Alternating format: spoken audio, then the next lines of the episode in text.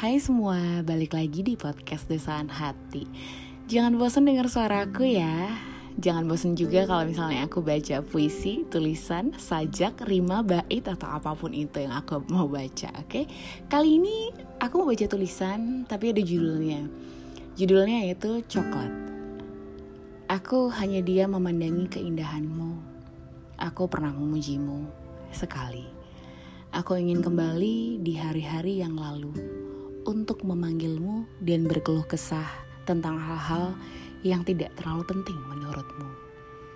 Aku masih ingin membelai rambut ikalmu dan meraba kulit coklatmu. Aku masih ingin melihat kekesalanmu terhadap aku, menampar aku, dan memelukku dalam aromamu. Dengan memandangiku dengan mata coklatmu. Aku masih suka berdebat dengan otakku agar aku tidak terjaga dalam kenanganmu. Dengkuranmu dan teriakanmu masih sangat dekat di kupingku. Aku masih ingin berselimut mimpi denganmu.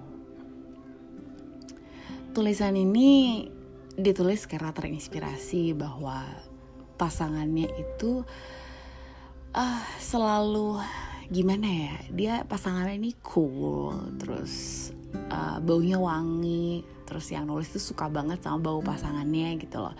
Jadi dia suka banget sama feromon pasangannya. Jadi makanya sambil ditulis segitunya. Dan kebetulan kulitnya coklat warna bola matanya juga coklat.